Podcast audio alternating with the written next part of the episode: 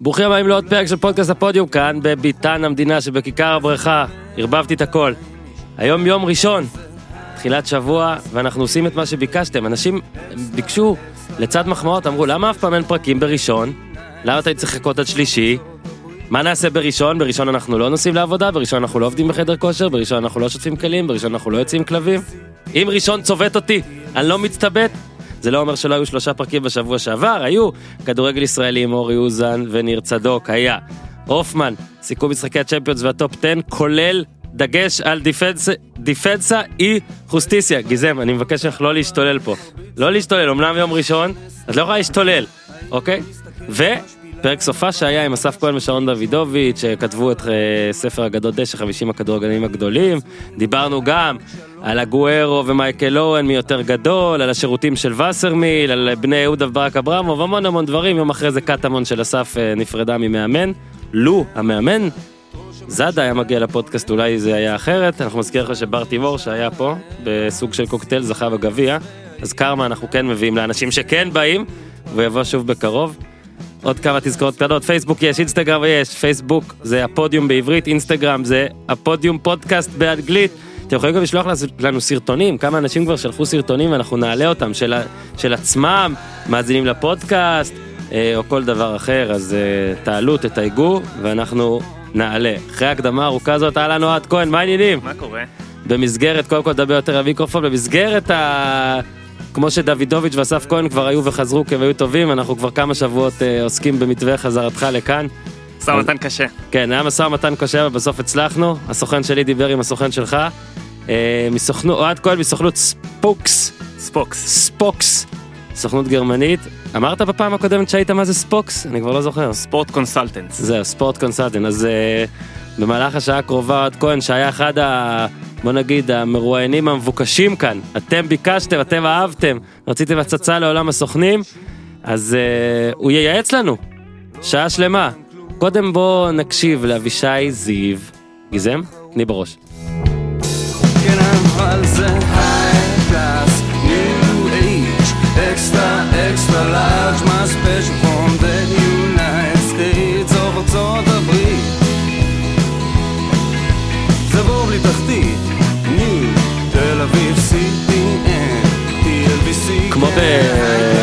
טוב, שבוע טוב, אוהד. בוקר טוב, שבוע טוב. כמו בסדרות כאלה שחוזרות, יענו משחקי הכס, שאתה צריך אה, לפני שהעונה החדשה חוזרת, אתה חוזר לעונה האחרונה, או רק רואה את הפרק האחרון, או שעושים לך איזה... שמחת פרק. או שעושים לך. משהו קטן, איזה שתי דקות כזה, מה היה?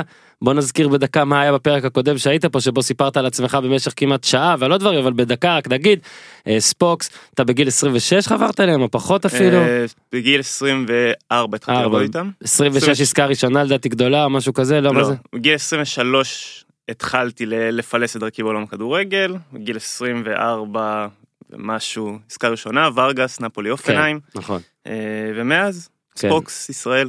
כן, מאז, מאז. אז אה, כל מיני דברים קרו, גם האזנתי קצת אה, לראות על מה דיברנו אז, ונראה מה השתנה, עוד מעט נשאל גם על זה, אבל אה, אמרתי, מתמחה בשוק אה, האפריקאי, אה, טור אחרון, גאנה, טוגו, גאנה קמרון. טוגו קמרון, עשרה ימים מאוד ארוכים. אבל, כן, אה, ראינו תמונות, אה, עוד נעלה אולי גם אצלנו את התמונות, כי זה באמת באמת מגניב. קודם כל, אבל משהו מסקרן אותי, אה, שיצא לנו לדבר קצת, אה, גם בפעם הקודמת וקצת מחוץ לשידורים והכל, אה, מועדונים ישראלים וחלון העברות. אה, נושא שמאוד מעניין. אה, יש את הסיסמה, הקלישאה, אה, שום דבר טוב לא קורה פה בינואר, וכשכן מצליחים עם איזה סולארי, זהבי, פריצה, אה, חנן ממן, אגב תראה המשותף לרוב השעות זה שהם כבר היו פה, נכון. כאילו הכרנו, נראה לי סולארי הוא היחיד, או סולארי ופריצה, שאתה בן 33 היה משהו כזה שהוא הגיע, אני משער שזה לא השחקן שאנשים תמיד רוצים להביא בינואר, מכבי יצא להם טוב עם אה, פריצה. אז בוא תעזור לנו להבין.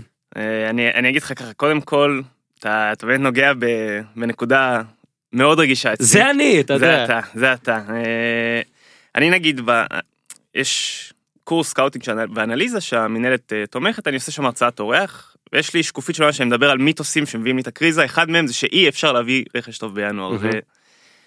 כן, אם אתה מתחיל להתכונן אחי ב-30 בדצמבר, אתה לא תביא רכש טוב בינואר, זה, זה מין משוואה מאוד מאוד פשוטה.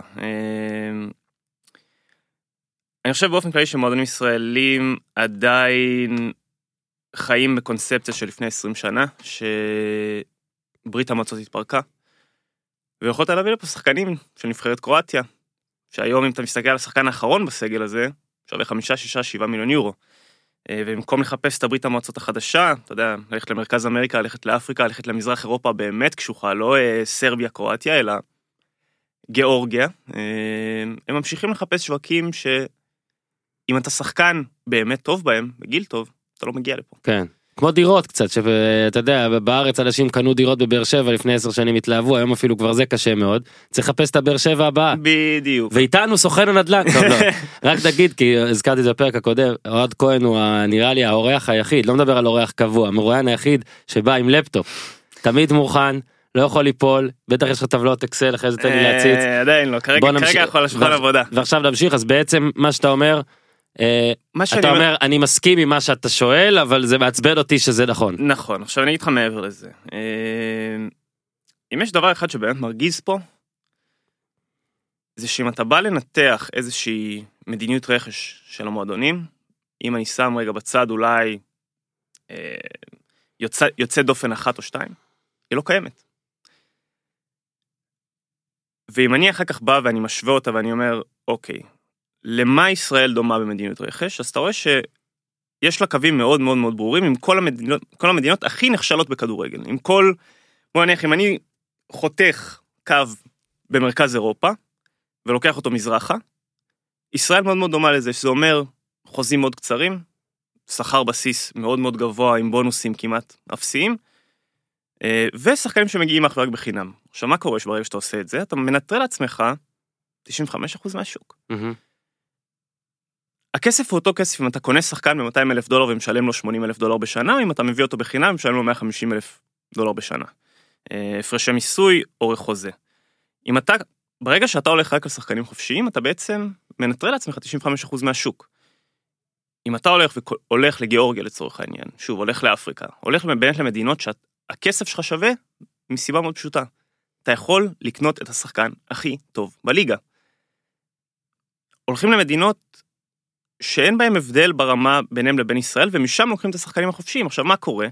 אם אני הולך ולוקח שחקן חופשי מקבוצה, מקבוצת מרכז טבלה ברומניה, לא יהיה שום הבדל מאשר שחקן ישראלי שנזרק מקבוצה בישראל, ועכשיו צריך למצוא קבוצה אחרת פה. כלומר, לא יהיה לך הבדל איכות. מצד שני, אם אתה הולך מחר בבוקר אה, וקונה את השחקן הכי טוב בגיאורגיה, שלפני שנתיים שחקן שהיום משוערך בבין 10 ל-15 מיליון יורו אחרי שהוא שוחט את בלגיה. או אם אתה הולך לאפריקה, ששם באמת ב-100-150 אלף יורו אתה יכול להביא שחקן שתוך שנה תמכור ב-2 מיליון יורו ערך עלי קמרה ברעננה. אז למרות שאם אני היום סוקר את הליגה ואני מסתכל מי הזרים עם הפוטנציאל מכירה הכי גבוה, אז אני רואה את טרייקוביץ', אוקיי, יופי של החתמה, אבל אף מועדון פה לא יכול לתת 3 מיליון יורו, אבל אז אני עובר, אני רואה את עלי מוחמד, אני רואה את בואטנג, אה, אני רואה את, אה, את אורוסו שאנחנו נדבר עליו בהמשך. ואתה רואה שבאמת כל הדור הבא של השחקנים שיש להם פה איזשהו resale value, אה, מאביס שהולך עכשיו לעזוב, סורו. שמאמין שיעזוב בקיץ. כולם יש להם מכנה משותף. בדיוק, כולם מכנה משותף. כן. אה, היבשת המשותפת. היבשת המשותפת שבה אתה עדיין יכול להביא World Class talent בשקלים. אתה יודע, מהמם. אנדרלכט שלהם משפט מאוד נחמד שאומרים, שזה באפריקה אנחנו עניים, אבל, ב- סליחה, באירופה אנחנו עניים, אבל באפריקה אנחנו fucking טראמפ. אה, זה מסכם הכל ב- בעיניי, זה אנדרלכט. זה אהבתי. אנדרלכט. אהבתי. אז- שלפני החלפת בעלות. אז בעצם אתה אולי כ... כסוכן, אנחנו גם עוד מעט נדבר על השחקנים שאתה מייצג, כי אני מאמין פה בשקיפות, כמו שאני גם אמרתי אז פעם שעברה, גם כל הסוכנים שמאזינים, אם אתם רוצים לבוא ואתם מעניינים והכל, נשמח. אנחנו לא פה אה, מקדמים רק צד אחד, עד שצד מסוים יתחיל לשלם לנו, ואז כמובן נזרוק את כל הדברים החוצה, אבל בעצם אז מה שאתה אומר, כאילו, אז אני שואל אותך, אה, אני אגביל את זה למשל, שנגיד המכשול הכי גדול בפודקאסטים, זה שבישראל מן הסתם לקח זמן ועדיין לוקח עד שמגלים את הדבר הזה. כמו אגב שלקח עם פייסבוק ועם טוויטר והכל. אז אה, אנחנו גם ועוד מעט נעשה את זה גם נעשה גם סרטונים על איך מאזינים ולכל מי- לכל, אנש, לכל האנשים שנגיד לא בקיאים במוצר הזה ובאיך להאזין לו, אבל כן ירצו להאזין לתוכן. אוקיי, אז הנה, חושף אסטרטגיה פה, ואז שואל אותך, אתה כסוכן, שגם תשמח בטח אה, להתעשר גם, כאילו, גם מטאפורית וגם זה, מד, גם מישראל, מדברים שקורים בישראל, בעצם אולי המכשול שלך הוא להסביר למועדונים האלה שהם טועים. שאלה אם אתה מסביר רק לנו, ובקורס שאתה מעביר, או האם יש סיכוי שהמועדונים ידעו את זה בעתיד, ישנו את זה. אז אני חושב שזה מתחיל להשתנות כי... בוא נגיד ככה, כל מועדון מגיע פעם ראשונה לאפריקה, והדבר המאוד גדול, מפחיד, מדינת עולם שלישית שאתה לא יודע איך אתה בא ואיך אתה יוצא, פתאום מבינים שם זה קשקוש, אתה יודע, שוב, אנחנו לא לפני 15-20 שנה, היום מהמם. אתה יודע בדיוק לאן אתה הולך, לאן אתה מגיע, מי אוסף אותך. אקרא גם באופן כללי, גאנה היא מדינה... שאלת אותי פעם שעברה איפה אני חייב את האלף של אה, צורכי עבודה, חד משמעית גאנה, אז מועדונים מגיעים פעם ראשונה, מבינים שהשד לא כזה נורא, מוצאים שחקן אחד, שניים טובים שהם מאוד אוהבים, משלמים עליהם מעט מאוד כסף, והם חוזרים. אשדוד היו איתנו בטורניר האחרון באפריל, אוקיי, בגאנה. והם פשוט ראו איך מועדונים מת... מתנהגים באגרסיביות מטורפת שהם רואים שחקן שהם רוצים, וזה פתח להם צ'קרה. אני אספר סיפור. מהמם. היינו בטורניר האחרון באפריל, אה, באזל הגיעו איתנו ביום הראשון, אנדרכט היו בחוף השינה ויוכלו להגיע רק ביום השלישי. ביום הראשון ראינו את, אה, את דרימס, את האקדמיה שאנחנו עובדים איתה, אה, משחקת נגד נבחרת גאנה עד גיל 20. והקשר האחורי של דרימס, אה, ילד בשם אלחסן בשירו, פשוט שלט במשחק הזאת באמת, ב, ב, במשחק הזה ב, ב, ביד רמה. איך שנגמר המשחק, באזל הגיעו אלינו, אמרו לנו, תקשיבו חבר'ה, אנחנו מוכנים עכשיו, באופן מיידי, לא מבחנים, לא השאלה, לא כלום, לקנות אותו, 350 אלף יורו, בתנאי אחד. הדבר הזה נחתם עכשיו, ואם אנדרלכט מגיע לפני שהעסקה הזאת חתומה, ההצעה יורדת מהשולחן.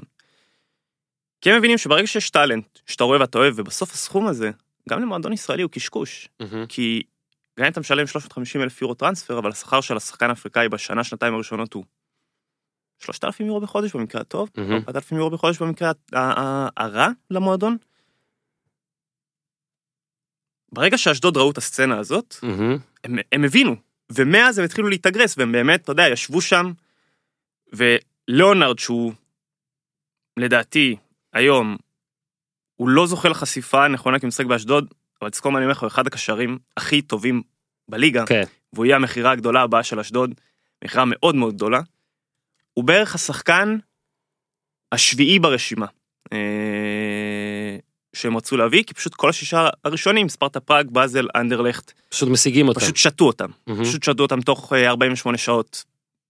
גמרו, גמרו את כן. הרכש שלהם. אז, אז טוב גם על ליאונרד עוד אנחנו נדבר.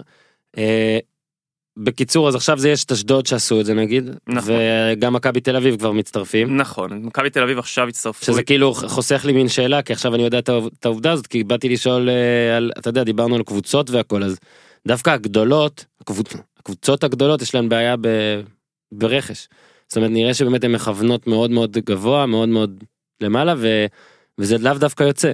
ואנחנו תמיד מחמיאים על אתה יודע קריית שמונה נגיד כן לפעמים אשדוד בשחקני רכש לא במינויים של מאמנים אה, וכל מיני דברים כאלה. מכבי תל אביב בטח באר שבע מכבי תל אביב גם. זאת אומרת זרים שהיא מביאה היום מביאה זרים מאוד מאוד מוכרים מצליחים או לא מצליחים אתה יודע יש מלא דוגמאות מנה מרבל כל אחד ינתח איך שהוא רוצה אבל העובדה היא זה שחקנים מוכרים שלא הגיעו ל... בטח שפה לא הצליחו בטירוף.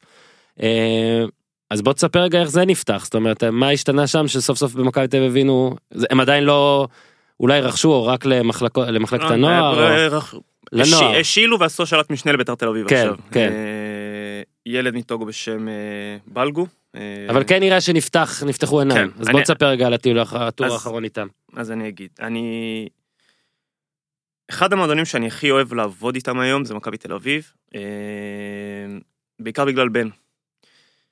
בן הגיע, מי שלא יודע, מועדון בשם ברנסלי, שיש לו אידיאולוגיית רכש מאוד מאוד מאוד מאוד ברורה בנוגע לפרופילים שאתה רוצה אה, לקנות.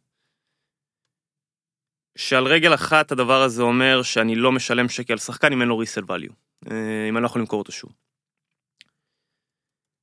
ברגע שהוא הגיע עם הדבר הזה, אז אם אתה רואה רגע את ההחתמות של מכבי, בוא נגיד מאז שהוא הגיע, אתה רואה פתאום הרבה ילדים צעירים אה, גם מחלקות נוער סטייל אה, מייקל צ'ילקה, זה איזה ילד שמגיע, עולה שם עכשיו מהנוער, אה, התארחת מאוד כמו צ'יקו פואדו, מליגה שנייה בטורקיה, שזה משהו שלא היה עובר בתקופה של ג'ורדי. חלק מהשיעור שאני עושה בקורס scouting, אני מדבר על... לקחתי את, את כל הזרים שהגיעו לישראל בשלוש שנים האחרונות. ופיצלתי אותם לפי הליגות שהם הגיעו מהם. הם הגיעו מליגה בכירה, מליגה באותו קנה מידה, ובליגה קטנה יותר. אה, שההגדרות לליגה הזאת אומרות האם יש יותר משתי קבוצות שהן יותר עשירות מהקבוצה הכי עשירה פה.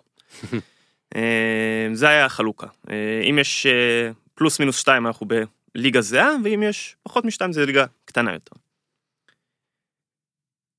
אני לא זוכר את האחוזים בדיוק, אני אפתח את זה עכשיו, אבל הפערים בין שחקנים שהגיעו מליגה שהיא קטנה יותר, מאחוזי ההצלחה שלהם, הם כמעט כפולים משל שחקנים שהגיעו מליגה גדולה יותר. מהמם. יש לזה שתי סיבות. הראשונה היא, אורן טיים עובד בוואלה. אם אני מחר בבוקר שולח אותך לעבוד במקומון של פתח תקווה, מהמם. תוך כמה זמן אתה משתעמם? תוך כמה זמן אתה כבר לא יכול להמשיך לאתגר את עצמך ולהמשיך אה, אה, אה, לקום כל בוקר באותו drive, ומן הסתם, אתה תהיה עיתונאי פחות ופחות ופחות טוב. אה, ומצד שני, אם, אתה, אם אני מחר שולח אותך לעבוד בבליצ'ר ריפורט, אתה רק תשתפר.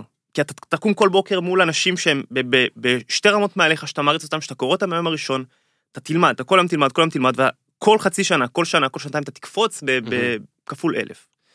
אה, מדהים אגב שנתת דוגמה בליצ'ר ריפורט. אתה מבין הדבר הכי חדשני וזה בדיוק אתמול דיברתי על זה עם מישהו. בליצ'ר ריפורט. זה... אגב אני יותר טוב מהם כן בינינו כאילו לא רגע.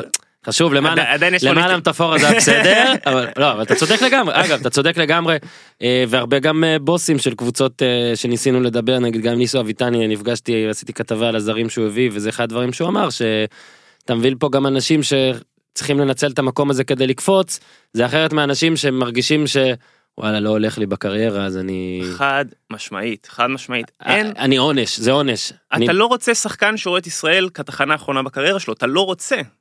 ישראל צריכה להיות ליגת פיתוח ולא ליגת סיום קריירה, אנחנו לא סין. אנחנו, אין שום סיבה להגיע למשכורות האלה לזרים, ואני אומר את זה כאילו תוך כדי שאני יורה לעצמי ברגל, כן. אבל זה אידיוטי. אז הסיבה הראשונה באמת שהם משתעממים, אז הם באים נותנים חודש, חודשיים, שלושה טובים, ואז אתה רואה לאט לאט. כן. קריסה מטורפת כיף לחיות פה משעמם בכדורגל שילוב מסוכן. בדיוק, עכשיו בוא, אתה יודע, אתה גר בתל אביב, כן. אנחנו רואים בדיוק את אותם שחקנים שפחות מצליחים בקבוצות התל אביביות, גם כן. לפחות איתי מבלים באותם, אה, אה, כן. בוא נגיד, אזורי בילוי. מהמם. והדבר השני זה ששוב, אם אתה הולך ולוקח reject של top 5 leagues, שחקן ש, שנזרק מאחת הקבוצות בחמש הליגות הבכירות. אני אגיד את זה טיפה שונה.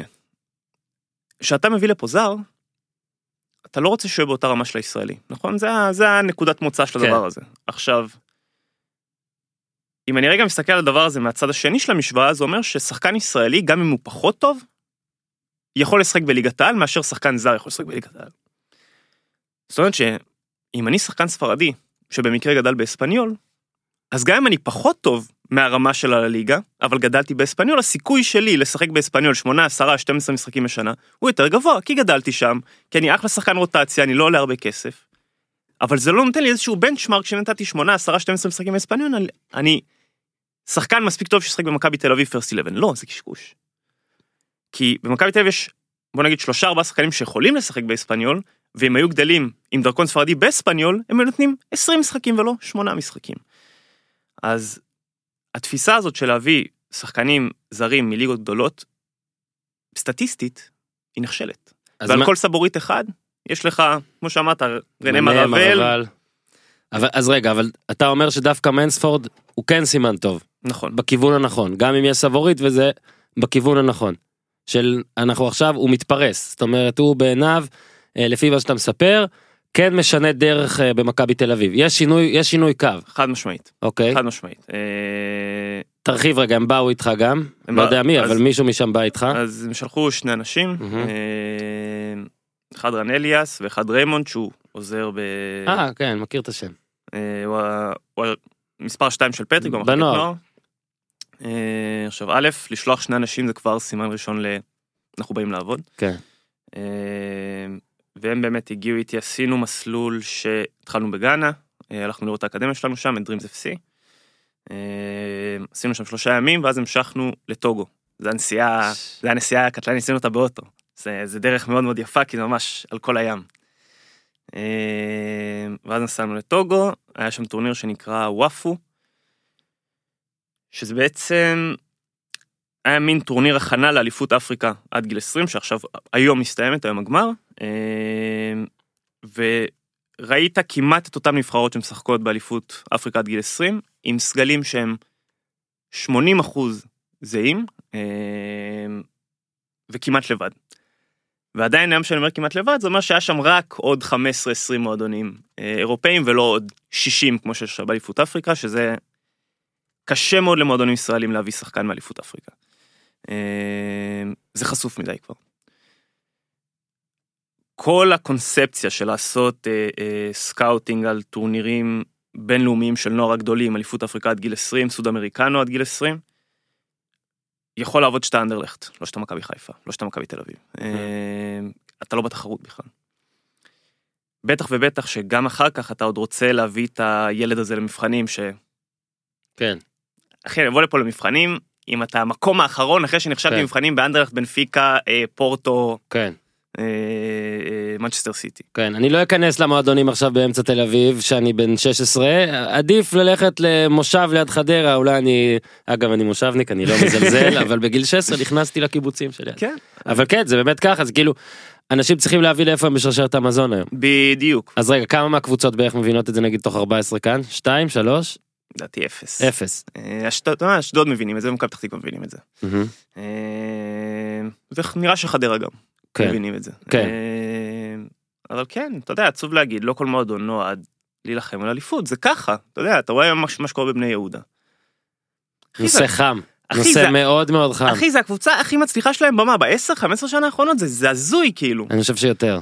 זה קבוצה סופר מצליחה. אה, כאילו בלי ספק זאת המחאה הראשונה בעולם על קבוצה במקום שני כנראה.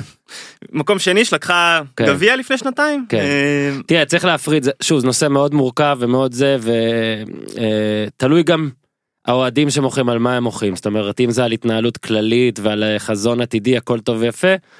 אבל אם אתם מוחים על החלון העברות הספציפי הזה אז זה כאילו שמעו יש סיבה.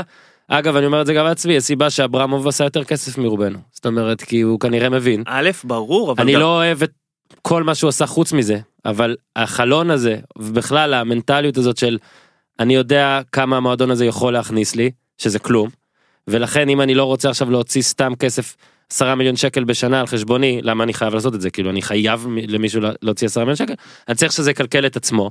ואם מציעים לי 1.4 על 30 או 40 אחוז מכרטיס של או מזכויות של שחקן שכבש 10 גולים בחצי עונה ולך לך תדע עד כמה הוא יהיה בריא בעונה הבאה או עד כמה הוא יהיה מצוין בעונה הבאה מציעים לי את זה עכשיו תודה שלום איפה חותמים? סילבסטר בחינם? סבבה. ברור, עכשיו, אה, אני אגיד לך מעבר לזה. וזה נאמר לפני הגולים של סילבסטר. נכון, ברור, אז זה מצחיק, כי ביום... אתה יודע עשיתי שזה את ה- נאמר לפני. אז, אז אני אומר, ביום שישי עשיתי את, ה... את ההרצאה למחזור הזה של אמרתי להם חבר'ה, הם לקחו את... יש פה למישהו ספק שסילבסטר הולך לתת שמונה גולים עד סוף שנה בבני יהודה? אין ספק, אין לא, אין שאלה. ספק הוא עוד יעקוף את שועה בסוף אם שועה יהיה פצוע ברור, אז אתה יודע, יש היום אולי חמישה, שישה מועדונים בעולם שיכולים להרשות לעצמם לא למכור, בעולם, לא בישראל, בעולם. כשאתה מסתכל על ה... בוא נגיד על כן. ה mega clubs, נכון. הסיטי, הביירן, הריאל ברצלונה, יובה, תראה את אייאקס תראה את אייאקס, כן, כן, נכון. אז אין דבר כזה מועדון שיכול להרשות לעצמו לא למכור. אני חושב ש... בוא נגיד ככה, אם אני מסתכל על ישראל, אני חושב שהבעיה העיקרית פה זה שמועדונים לא מוכרים. אני חושב ששחקני נוער לא מתקדמים, לא כי יש פה שישה זרים, לא, זה קשקוש. שחקני נוער לא מתקדמים, כי הישראלים הבכירים פה שקועים פה. בליגה הזאת 6, 7, 8 שנים. כמה ישראלים השתנו בקבוצות הבכירות בחמש שנים האחרונות? נכון אגב בוא רק נגיד זה מבאס. כאילו ש- כצורך של הענף הזה של הליגה הזאת מבאס אותי שאני יודע ששחקן טוב אמור לצאת ואם הוא לא יוצא הוא שוקע והוא לוקח והנוער לא גדלים ומבאס אותי גם התיאוריה הזאת של כולם חייב, חייבות למכור. אבל ככה הכדורגל בנוי זה השוק היום אין תקרת שכר אין רצפת שכר אין שום דבר אז אין מה לעשות. אני אגיד... השאלה היא מתי אתה מבין מה אתה? אתה מבין? מתי אתה כמועדון יודע מה אתה? עכשיו אני לא אוהב את זה שאשדוד לא תחרותית. אני לא אוהב את זה. אבל אני גם ריאלי ואומר שאשדוד, שבעיניי מנוהלת נורא ואיום, שוב, מבחינה מקצועית, מינוי מאמנים והכל, ואתה לא חייב להסכים, זה הכל בסדר, אני נותן את דעתי, עדיין אני לא חי בסרט שאשדוד בניהול מושלם יכולה להתמודד על אליפויות עכשיו. אתה מבין? אני כל מה שאני מבקש מבעלים זה לנסות לשדרג את היחסים עם הקהילה ושאנשים ירצו לבוא למשחק שזה יהיה הרבה יותר כיף לבוא והכל אבל מקצועית אני לא חי בסרט אני יודע שאשדוד אין מה לעשות היא חייבת למכור היא קבוצה שפעם ב' תעשה קינדה אינברום סבבה עשינו כסף ננסה עוד אחרים זהו אז, ככה. אז עכשיו השאלה היא מה זה קשרי קהילה אה, ועכשיו השאלה היא מה מה זה ניהול מקצועי כי אני חושב ש... אם אתה מסתכל על אשדוד אשדוד הכניסה הרבה מאוד כסף בשנים האחרונות סבבה הרבה מאוד מהמם. ואז אתה הולך ואתה רואה את המתקנים שלהם ואתה אומר אוקיי הכסף הזה מגיע לאנשהו. יש להם אקדמיה שאתה יודע זה זה בשלוש רמות מעל כל מבנה דומה במדינה הזאת. אה, הם עכשיו סיימו ל- לפתוח אה, אה, אה, מתחם חדרי הלבשה חדש באיצטדיון שלהם לקבוצה הבוגרת. שגם הוא, הוא מרחק שנות דור גם ממתקנים של קבוצות הרבה יותר גדולות מהם אז אתה אומר כן. זה אוקיי בזכות מכירה. זאת אומרת, אז זה בזכות מכירות. בדיוק אז ה- כמו הכל- ששי ברדה היה פה ואמר שבזכות המכירה של דיה סבא אולי יהיה גם אה, מוטל לשחקנים. בדיוק אין דבר כזה חבר'ה זה עסק בואנוס דיאס. הדרך היחידה של עסק לגדול היא להכניס כסף. כן. אתה לא- ובישראל לא מכניסים כסף כרגע מדברים אחרים. אז- אין באשדוד אימפריית מרצ'נדייז. בדיוק אין משהו עם מרצ'נדייז המשכורות לשחקנים ישראלים ודיברנו על זה לדעתי גם קצת פעם שעברה נגענו בדבר הזה. ושוב אני כן יורה לעצמי קצת ברגע שאני אומר את זה אבל הן חסרות פרופורציה והן בסוף מזיקות לכולנו. מהמם. שחקנים ישראלים, אתה יודע, היה את הסיפור של להגדיל מחמישה זרים לשישה זרים, וארגון השחקנים יצא פה במלחמת עולם שהדבר הזה לא יקרה. הם לא מבינים שבלונג טרם, אנחנו כולנו כורתים את הענף שאנחנו יושבים עליו. למה? כי אין פה אף בעלים שמסוגל להחזיק מועדון כדורגל יותר מחמש שנים, כי זה כלכלית לא הגיוני. נכון.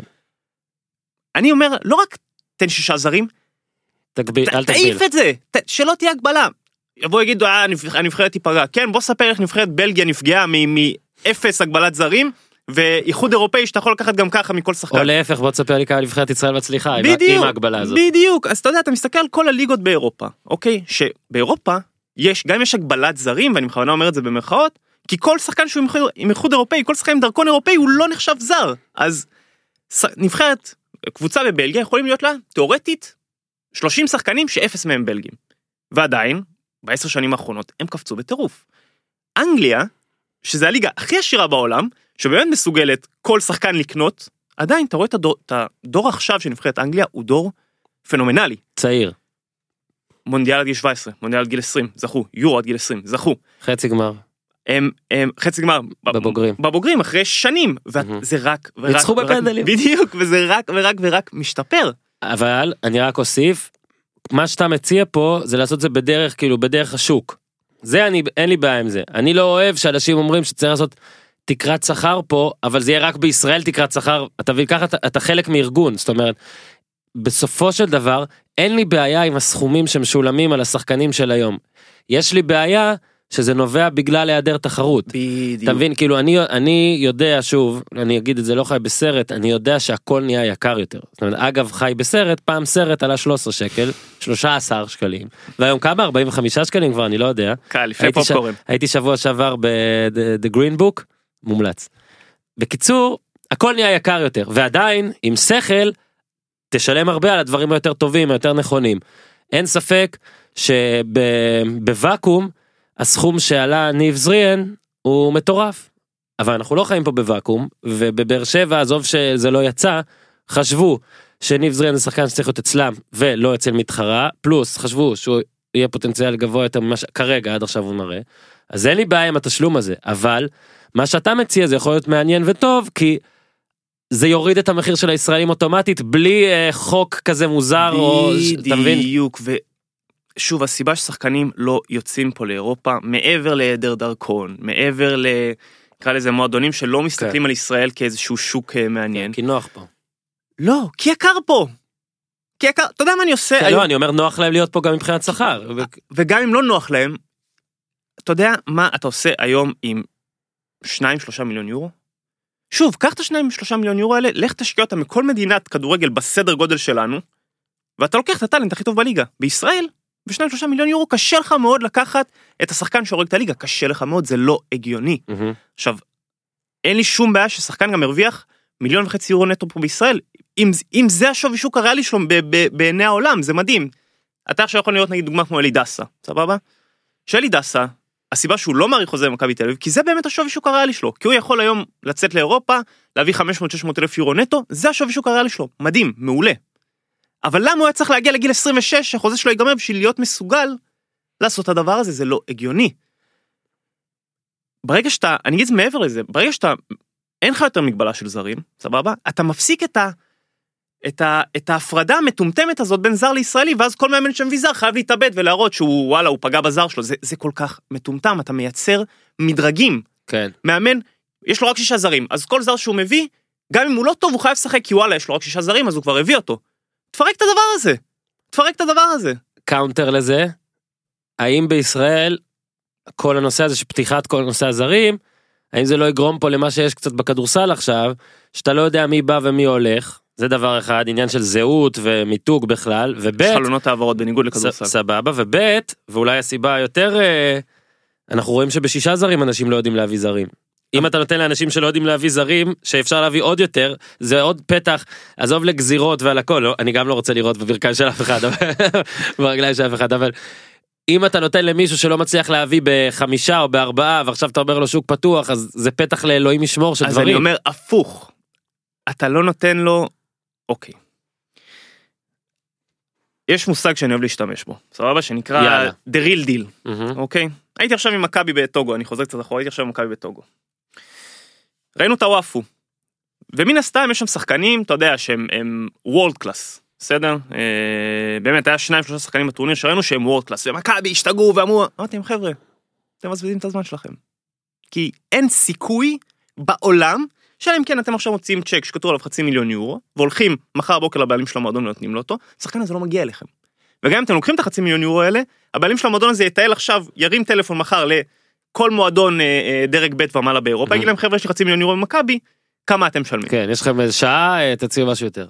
עכשיו, אמרתי להם, "תת- תתמקדו ב real deals, קחו את, שחררו את השורה הראשונה של השחקנים, אתם לא יכולים להביא אותם, ותתמקדו בשורה השנייה. מי הכי טוב מהשורה השנייה? שכל המועדונים פה באמת ילכו ירדפו אחרי השורה הראשונה, והופ, אתם לוקחים את, הטופ של השורה השנייה, והם כבר אצלכם מחר בבוקר, וזה מה שהם עשו, וככה הם הצליחו. הבעיה שמועדונים פה לא פוגעים בשישה זרים, זה בגלל שיש שישה זרים. כי הם כל כך רוצים למצוא את הזר המושלם הזה, שבמקום להביא שחקן, סגל, טוב, ולשלם לו את השווי שוק הריאלי שלו, בסדר? הם הולכים ומחפשים את הקילר הזה, ואז מה קורה? הם מאבדים, לאורך חודשיים ראשונים של החלון, את כל השחקנים שהם באמת ריל דילס והם שחקנים טובים, כי הם מחפשים איזה משהו מדהים, ואז הם מגיעים לשבועיים האחרונים של החלון, ולוקחים מה כן. שנשאר. כמו שתמיד ג'ורדי נגיד היה אומר אפילו שלוקח זמן אני צריך לחפש את השחקנים שלא מצאו בשום מקום אחר ואז אני מביא אותם. אז זה מביא לי את הקריזה, ושוב כן. אנחנו חוזרים לזה, כי על כל בת שירה אחד כזה שמצליח, בסדר? ועל כל בת שירה אחד באמת שבאמת נתקע, כי כל החלונות נסגרו ואתה יכול לקחת אותו, יש לך רשימה של 30 שחקנים שאני יכול לתת לך, שהגיעו בשבוע האחרון של החלון, ולא הצליחו כי הם באו לפה ולא היה להם כוח. כן. ולא הם היה גם להם... יודעים שהם נכשלו. בדיוק. הצלח- לא הצלחתי כלום ב- לקחו אותי בישראל. לבסס, אין בעיה עם לעשות את הדבר הזה, שוב, עבדת נכון, הגעת לשבוע האחרון של החלון, לא הצלחת? אני לא אל תחתים, מצאת משהו טוב, תחתים, אבל לבסס סביב הדבר הזה פילוסופיית רכש, זה כמו להגיד אני הולך להיות עשיר כי אני הולך למלא, למלא לוטו, זה אותו דבר. מהמם. אתה הולך, אתה כאילו מנתק את עצמך מכל העבודה שאתה צריך לעשות, ואתה בונה על איזשהו מזל, איזשהו שחקן שנתקע, שבאמת באותו רגע מוכן להגיע אליך, והוא גם כשיר, רוצה לבוא לפה, אתה- ואחרי שהוא יבוא לפה, הוא גם יהיה מספיק נמרץ כדי לשחק כדורגל, למרות שהוא מרגיש שהוא נכשל. מהמם. אז לעשות את זה, אם זה כבר מגיע, לא יודע, יש לך שלוש שקל בארנק, לך תמלא לוטו על הכיפאק. אבל, אין, אני אף פעם לא זוכר. אז בדיוק, אבל על, להתבסס על זה שתהיה עשיר כי אתה ממלא לוטו, זה מטומטם. מצטער, זה מטומטם. התחלנו להגיד על אז אז כאילו בוא רגע לצד אה, כל הדברים האלה קודם כל מכבי בטור הזה הם גם רכשו הם גם הכל הם גם הם הביאו שחקן אחד בהשאלה עם אופציה, אה, שהם שלחו בהשאלת משנה לביתר תל אביב. אה, הם הביאו עוד שחקן אה, למבחנים, שהם רצו לעשות את אותו מתווה. לא הצלחנו למצוא לו קבוצה שתשאיל אותו עד סוף שנה. אה, קשר נבחרת גאנה עד גיל 23. אה, בקיץ. יהיה. בסדר. זאת אומרת הם ימשיכו את ה... יהיה לך מש- companionship. חד משמעית. טוב גם, בסדר גם אני בא-. אני בא גם פעם הבאה. יאללה בוא. אה, אז מבחינת איך שהפרק הזה התחיל בחלונות ינואר, שאמרת למה זה לא עובד והכל, אז בעצם ההמלצה שלך, שתי המלצות, אם אני מבין נכון עד עכשיו, ואני פונה ל- לכל הבוסים והכל, כי הפ- התוכ- הפ- הפודקאסט הזה גם נועד לשפר, אתה רואה מה זה? יאללה. אה, תתמקדו ב real deal שלכם, זאת אומרת, תהיו, תדעו באיזה רמה אתם ומי אתם כן יכולים להביא, ותעשו את זה בהתחלת חלון, ולא בסוף חלון, תשתדלו. הרבה לפני התחלת. הרבה חלון. לפני התחלת חלון הכוונה ואולי הדבר השלישי הוא בכלל והוא הראשון אה, תדעו על איזה שוק אתם צריכים כי יש שווקים שנגמרו בבאר שבע דירות כבר יקר גם חברים. לכו לעפולה למרות שגם בעפולה נראה לי כבר יקר לא יודע לאן תלכו אבל תלכו לכו לאפריקה. לכו כאילו לאפריקה, לכו. למרכז אמריקה. שוב, לכו. לכו. כן. כאילו אתה אומר שהקבוצות הישראליות אל תבזבזו זמן עכשיו על אה, על מערב אירופה. אל תבזבזו זמן בדברים כאלה כי עדיין מנסים להביא את הספרדי המושלם אתה שם לב. אז שוב, fair enough, ספרדי מליגה שנייה, שהוא בין 27, 28, 29, שכבר מבין שהשאיפת לליגה שלו כנראה לא תצא לפועל, זה רכש שהוא בסדר, אבל זה לא קצת עושה את מה שאמרת שהוא לא, רואה כי זה- בישראל ככישלון? הפוך, מתניע את הקריירה? הפוך. מתניע את הקריירה. שחקן שמשחק בליגה שנייה בספרד כל החיים שלו, או בליגה שלישית בספרד, בחיים שלו לא נלחם על תואר, תחשוב על זה. כן. בחיים שלו לו נלחם על גביע, בחיים. שלו נכשל על אירופה, בחיים שלו לא, לא נלחם על, על כן. אליפות. ליגה שנייה בספרד נכנסת תחת קטגוריות של ליגות נחותות, כי הקבוצה הכי גדולה בליגה שנייה בספרד משלמת אולי 180, 200 אלף יורו, מהמם. אולי, חנוק, מהמם. זה, זה חצי ממה שמשלמים פה. כן. אז כשאתה הולך לליגה שנייה בספרד, כן, אם השחקן בן 27, 28, 29 שכבר מבין שקשה לו יהיה לפתח קריירת לליגה, בגיל הזה, הוא כן רוצה להרגיש את התחושה של להילחם ולזכות בתואר, לשחק במועדון גדול מול צדיונים מלאים. זה, זה, זה בסדר, זה יופי של שוק. אבל יש הבדל תהומי בין הליגה 2 ל- לליגה סת- 1. זאת אומרת בציון במדיניות רכש של אה, ליגת העל בישראל הוא 4, 3, 5. אני שלוש- מחמיא. שלוש ואני מחמיא. שלוש כן. ואני מחמיא. אה, בעוד חמש שנים כמה אתה אומר שזה יהיה? השאלה שלי... משתפר, משתפר? זה משתפר. תקשיב, אה, צריך להביא לפה את בן מנספורד שיספר. אז- שירצה. כן, א', חד משמעית. אה, שוב, אני, אני מוצא איתו שפה משותפת מאוד טובה, כי אנחנו רואים הרבה דברים בעין בעין. אה, אני חושב שלא ראו את זה עליו גם שבהתחלה הוא גם הגיע אז הוא היה נראה כמין המנכ"ל כזה ש... שאמור לסדר דברים ועכשיו הוא הרי הוא ממש ג'ורדי כזה הוא כאילו ג'ורדי מקצועי גם לא הוא, מח... הוא אחראי על מדיניות רכש הוא מחפש הוא הכל הוא מתווה אבל הוא מתווה מדיניות, יש כן. הבדל. הוא לא... אה, אה, הוא לא אולי בעצמו כל הזמן מחפש שולח את ברק יצחקי ואת כן. עוד אנשיו אבל אבל עדיין הכוונה היא שלא הרבה חשבו או ידעו או הבינו שזה מה שיהיה זאת אומרת הוא- שהוא ממש יהיה הג'ורדי נכון, כי אני חושב שגם הוא, אתה יודע, הוא הוכיח את עצמו ובנה את עצמו לתפקיד הזה, כי... שוב, הוא הגיע ממועדון, אמנם מועדונים אנגלים ברובם הם, אה, בולשיט בן קראו לו שם הם, הם בדיוק, הם מצחיקים בכל מה שקשור לחלונות העברות, מועדונים אנגלים, דרך אגב, אתה יודע, הם מאוד כישלוניים, מאוד מאוד מאוד כישלוניים, ב... מהסיבה הפשוטה, יש להם יותר מדי כסף. בדיוק באתי להגיד הם, הם באים בטח לטורניר פעם ב פשוט עם, עם, עם מכבש ופשוט מוחקים את העיר כולם עוברים נכון, יש להם יותר מדי כן. כסף. אמ, אבל דווקא אה, ברנסטי מהמועדונים האלה זה, זה, הוא טיפה שונה. כי ה, ה, כל התשתית שם, כל ה- הפילוסופיה של המועדון היא שונה, היא אומרת, אנחנו מחפשים שחקנים עם ריסל ואליו. כל סוכן שיבוא לכאן אני אשאל אותו על כמה שחקנים שלו אה, וזה הנה זה בשקיפות מלאה כי הם שחקנים שלך. מעניין אותי נתנו משפט כאן זה על אה, ליאונרד אה, אוואסו אורוסו. אווסו אשדוד אשדוד. עוד בעיה לדעתי לה- להביא לפה שחקנים ואתה תגיד עד כמה שאתה יכול להגיד.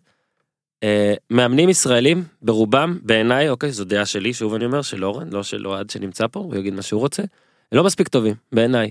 לא רק שהם לא מספיק טובים ב, בידע כי הם לדעתי אולי לא מספיק עובדים ואני מצטער אני מכליל פה אבל יש כאלה שהם ממש סותרים את התזה שלי.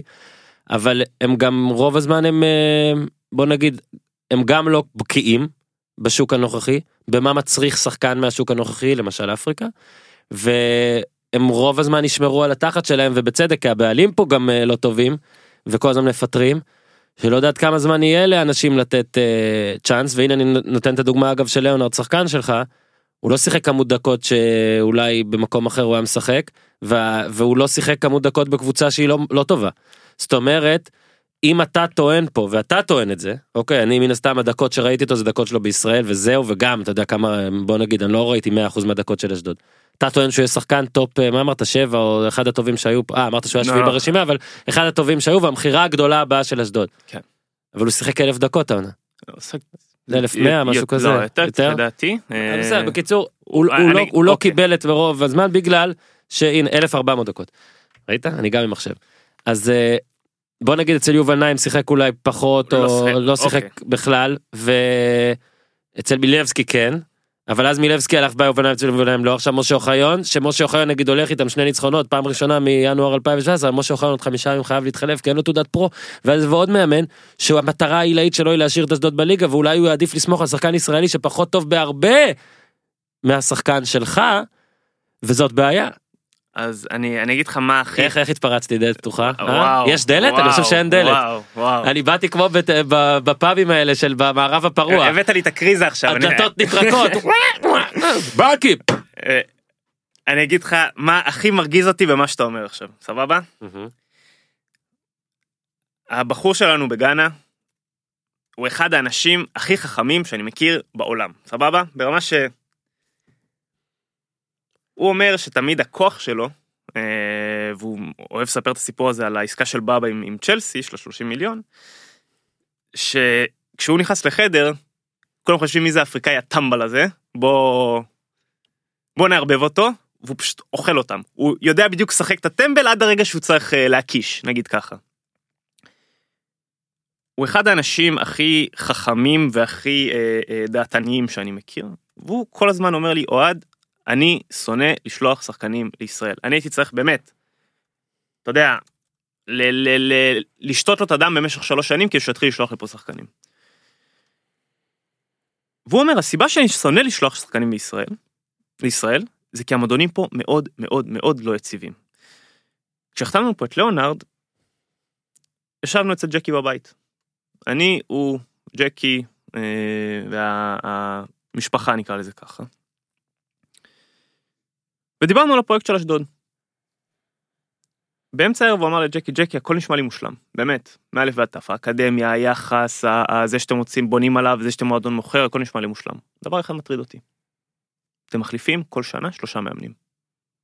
וג'קי אמר לו, לא, עשינו בחירות לא נכונות, זה- זה לא יהיה ככה השנה. נוסיף רעש של קהל גזען אה, ואז שבובי פוטר, ולאונרד הפך משחקן שהפסיד 0 דקות, 0 דקות מהמשחק גביע הטוטו הראשון, עד היום שמילבסקי פוטר, הוא שחק 90 דקות in and out כל המשחקים.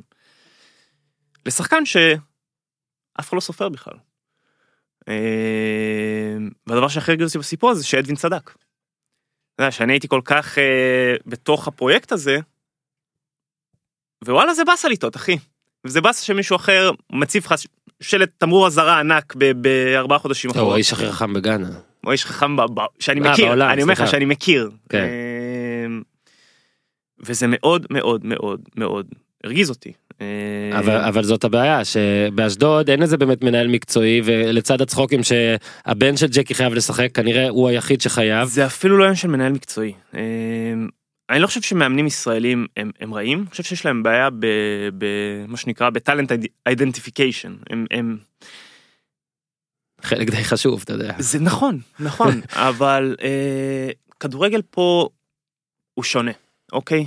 אנשים מזלזלים בעוצמה של ליגת העל. ליגת העל היא ליגה אחת הכי קשות באירופה, אוקיי? קשות, לא, עזוב איכות, כן. קשות. כי יש לך שני מועדונים שבאים לשחק כדורגל, ו-12 מועדונים שלא רוצים לשחק כדורגל בשום צורה. נכון.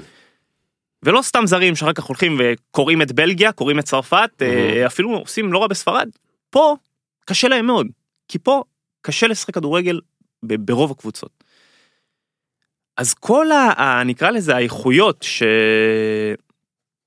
כל האיכויות שמאמנים פה מחפשים, הרבה פעמים הם איכויות של אל תטעה, אל תאבד את הכדור, ת, ת, תעבוד קשה, אל תהנה בקיצור. בדיוק. אל תשחק כדורגל. כן. עכשיו שאתה משחק 0-0 אתמול על הפועל תל אביב. שקובי רפואה אמר את אחד המשפטים הכי חשובים שנאמרו פה. מה ציפיתם שאני אשחק פתוח ואקבל שלושה עכשיו אני מכבד את רעננה אני מכבד את העובדה גם שבאר שבע קיבלה מהם שלושה שערים אבל אם מאמן בישראל אומר מה רציתם ששחק פתוח וקבל שלושה שערים מול הפועל רעננה אז סליחה קובי רפואה אבל אתה חייב עוד כמה השתלמויות ולנסות להבין את שוב לא טוען שהוא לא יהיה מאמן טוב ולא טוען שהוא גם לא מוציא מהפועל תל אביב דברים יחסית סבירים לאור הסגל שיש להם אבל לא יכול להיות זאת הגישה פה. או שאתה תהיה ליגה סופר איכותית, ואז בסדר שם עם תיקואים ודרמה והכל, אבל הליגה הזאת, כל מה שיש לה זה, זה לתת קצת גולים, לתת קצת הנאה. אגב, נגיד דיברת על ליגות שהן ליגות מכירה כאלה, הולנדי כזו. כל מי ששם מעל גיל 23 ובינוני פלוס עף בקבוצות הגדולות, אבל לפחות הם הבינו, טוב, בוא נעשה fun. ו... 6 1 4 4 3 3 3 2 אתמול אתמול ראינו את אה, פ.ס.וו נשבר לנו הלב הכל טוב אבל אתה רואה דברים אתה רואה גולים אתה רואה לפחות ביצועים ופה אני אומר לך הכדורגל פה מאוד מאוד מאוד מאוד שמרני ועצוב בגלל שגם שמאמנים מפחדים על התחת כי בעלים זה גדול וגם לדעתי כי מאמנים לא יודעים כל כך לאמן התקפה ולא יודעים כל כך לאמן, לעשות כדורגל עם חיוך. זה נראה כמו שיחה ומונולוג קיצ'י עכשיו אבל זה באמת מבאס. אגב זה הדבר שהכי מבאס אותי בכדורגל הישראלי והכי מבאס אותי בעונה הזאת של עכשיו. אני לא מצפה לאיכות גבוהה. וזה ברור. תן לי כדורגל לפחות גולים משהו. אז אני אומר לך, 0-0 שני המאמנים די מרוצים הורג אותי הורג אותי. אז אני אומר לך יותר מזה, כי אני לוקח את זה רגע, לעולם שלי. אנחנו יש לנו אה, אה, ילד סופר סופר סופר מוכשר בשם מוחמד דאודה, אוקיי? שטורניר לפני שנתיים, לקחנו אותו לאנדרלכט. היינו צריכים להוציא אותו להשאלה שנה כי הוא ילד בן 20, הוא מקבל את ה-10-15 דקות שלו במשחק באנדרלכט, אבל זה לא מספיק מבחינתנו, רצינו שהוא ישחק. ישראל בכלל לא עלתה לפרק מבחינתנו. כי ידענו שהוא יגיע לפה, הוא לא יבקיע. והוא לא, הוא לא יבקיע לא כי הוא לא שחקן טוב, כן. הוא, הוא השחקן הכי צעיר ב-20 שנה האחרונות, הראשון שקיבל זימון מהליגה המקומית בגאנה לנבחרת כן. הראשונה של גאנה, כן. כאילו ה-A-Team. כן אברהם לא הצליח לעשות את ההישג זה היה עם הזה. אברהם דווקא. אמ, הוא הראשון, אני מנסה ללכלך עליו את זה. אה, אני צודק. והוא הראשון. אמ, הוא שיחק טוב באנדרלכט ושני משחקים בליגה האירופית, היה מעולה גם נגד דינמו זאגרב, יופי של משחק. להביא אותו לישראל בכלל לא עבר לנו במאחורה של הראש. אמרנו לאן ניקח אותו? להולנד או לשוויץ. כי שם הוא ילך וייתן את ה-10, 12, 15 גולים שלו עד סוף שנה ונעיף אותו בעשרה מיליון בקיץ. זה, זה החשיבה. מועדונים ישראלים, ברובם לא יודעים למקסם את האיכות של השחקנים שלהם. אוקיי, אני, אני אקח את זה רגע, לא, אתה, בוא, בוא נדבר על אחמד עבד ב- ב- בהקשר הזה. כן, גם שחקן שלך. גם שחקן אה, שלי. טוב, אתה יודע דעתי עליו. אחמד עבד, אני שומע אה, חודשים את המשפט, הוא לא שחקן של מספרים. פתח את המספרים. אחמד עבד ב... לפני ש... שנתיים סיים שמונה שערים, סליחה, לפני שלוש שנים שמונה שערים, לפני שנתיים תשעה שערים, שנה שעברה בחצי עונה פה עם ארבעה שערים, בישולים אני לא יודע כי ה... ההתאחדות פה לא אוספת, אה, עכשיו עם ינהל את זה קצת שונה, אבל כמה שחקני כנף אתה מכיר, שבקבוצה קטנה נתנו שנה, שנה שמונה, שנה תשע, ואז בארבעה חודשים עוד ארבעה, כשאנחנו מדברים על, על גרסון בכלל, בש, בש, אם אני לא טועה 700 דקות, הוא נתן שני שערים ובישל עוד חמישה, שזה ממוצע של כן. מעורבות בשער כל 100 דקות. עבד עם אחד ושניים העונה. ואגב עבד, שוב, אני, אני טוען שהוא צריך לתת יותר. אבל הוא חייב אני, לתת יותר. אני טוען ששמונה זה לא מספרים, אוקיי? אני טוען שגם העונה, בוא נגיד הוא מאכזב אותי, אבל העונה אני נותן לו את הקלף הגנה שאני נותן ל, להרבה קבוצות פה, אף שחקן בהפועל תל לא מרשים אותי, אז זה בעיה של קבוצה ולא אבל של זה שחקן. בדיוק הנקודה. עכשיו, זאת, אני- זאת אני- ליגה לא של מספרים אגב. מעבר לזה, בגלל זה אני אומר, שמונה ותשעה שערים בעונה פה בשחקני כנף זה הרבה בישראל, אבל אני אגיד משהו אחר.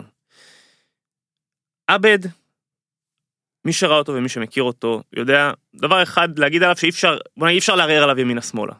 הוא אקספלוסיבי בטירוף, בטירוף, והוא שחקן שאת השתיים שלוש פעולות שלו, גם המשחק הכי חרבנה שלו, הוא יעשה. גם אתמול, אתמול הייתי במגרש, אתמול הוא היה חלש.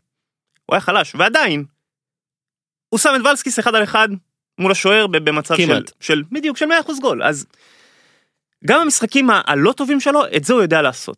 עכשיו ברגע שאתה לוקח שחקן שכל המשחק שלו מבוסס על אקספלוסיביות, כל המשחק שלו מבוסס על זה שפעם אחת הוא ישרוף את המגן שלו וייתן את הפס או ייתן את הבעיטה מרחוק, וזה יהיה גול. ואתה נותן לו לרוץ אחרי מגנים במשך 90 דקות, אתה מאבד אותו.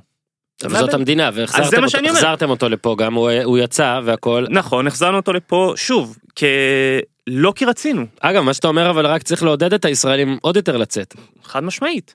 עכשיו, זה לא בעיה שאני אומר שהוא רודף אחרי מגנים, אני לא אומר את זה בקטע של... זה לא קשור להפועל תל אביב בכלל. ברור. אני לא מכיר שחקן כנף אחד בארץ, חוץ, אלא אם כן הוא משחק במכבי תל אביב, שלא רודף אחרי מגנים, אני לא כן. מכיר את זה. גם על בניון הרי אמרו מה בגיל הזה צריך לנצל אותו כי שמו אותו בכנף הוא רודף אחרי מגנים כאילו כאילו אתה היום בכדורגל בטח הישראלי אתה חייב לעשות תראה היום בעולמי הרבה שחקנים עושים הרבה אבל כמעט בכל קבוצה יש את האחד או את השניים שבוא נגיד יש מינון. בונים סביבם, כן. שאתה אומר, אוקיי, זה מה שהוא עושה טוב, זה מה שאני רוצה למקסם. ליאונרד, מה שהוא עושה הכי טוב, זה להשתחרר מלחץ. בוא תלחץ את ליאונרד. הוא שורף קישור, הוא שורף קווי קישור באמת, בצורה אירופאית. שורף קווי קישור, בין עם פס, בין עם דריבל, אתה לא יכול ללחוץ אותו. שניים שלושה שחקנים זה לא משנה, הוא לא מאבד את הכדור. אבל הוא כן יאבד את הכדור, כי הוא ישחק אותו קדימה. כלומר, הוא ייתן את הפס קדימה. עכשיו, ברגע ששחקן נותן את הפס קדימה ומאבד אותו, יש שני דברים לעשות. או לצרוח ולהגיד מה אתה מאבד את הכדור, אתה קשר, איך אתה יכול לאבד את הכדור, או שאתה יכול להגיד לו, לא נרד, זה בסדר לאבד את הכדור, כי בשביל להעביר עשר מסירות קדימה, כן, אחת לא תגיע ליעד שלה, השאלה היא מה אתה עושה אחרי שאיבדת את הכדור. וביום שהמאמנים פה ילמדו לדבר על מה אתה עושה אחרי העיבוד, הכל פה ישתנה. אתה יודע מה הבעיה? שרובם לא יודעים. בעיניי. אז פה אנחנו נכנסים ל, ל, ל, לבעיה העיקרית שלנו עם ישראל. אה, אגב, כל מה שאני אומר עכשיו, הוא לא תקף ברב, בהרבה לדור מאמנים חדש, שלדעתי, כמו הרבה דברים מהדור החדש, יש גם ח- כמובן הרבה חסרונות. אבל והכל. הם עדיין לא שולטים פה בכדורגל. נכון, אבל זה בדיוק מה שאני אומר. דור המאמנים הצעיר הוא דווקא דור שיהיה יותר טוב לשחקנים כמו שאתה מביא, ולך ולסוכנים. כמוך, אבל עדיין, כולל אגב נתתי את הדוגמה של יובל נעים, יובל נעים הוא לא מדור המאמנים החדש. עכשיו אני לא אומר שליובל נעים אין יתרונות, עובדה אנשים ממשיכים להעסיק אותו. ו... אבל אני משער שלשחקן כמו ליאונרד למשל אולי דווקא... ליאונרד שכח איך לשחק כדורגל תוך שבוע. שכח.